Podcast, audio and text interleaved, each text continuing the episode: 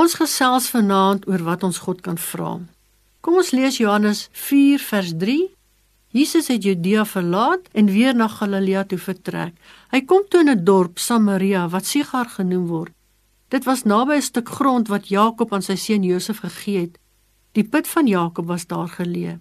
Jesus het toe omdat hy regtig uitgeput was van die reis, sommer by die put gaan sit.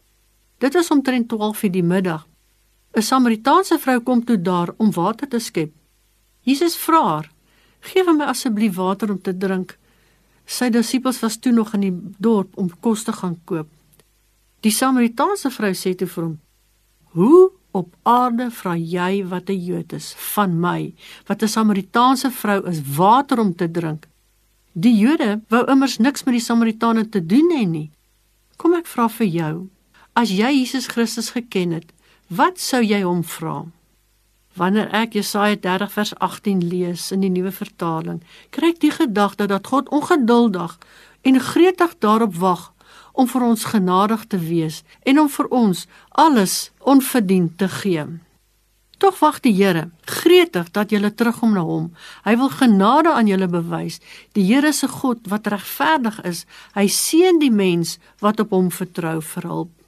Die Here wag vir jou. Vra in sy naam. Wat julle ook al in my naam vra, sal ek doen, sodat die Vader deur die optrede van die Seun verheerlik word.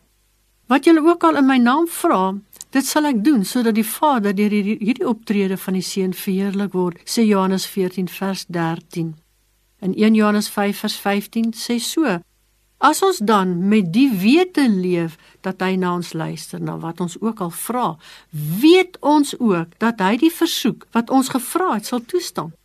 Wanneer ons dan terugkom na die aanvanklike vraag: As jy Christus geken het, wat sou jy hom vra? Ek wil jou aanmoedig, vra, moenie skugter of skaam wees nie. Vra met vrymoedigheid.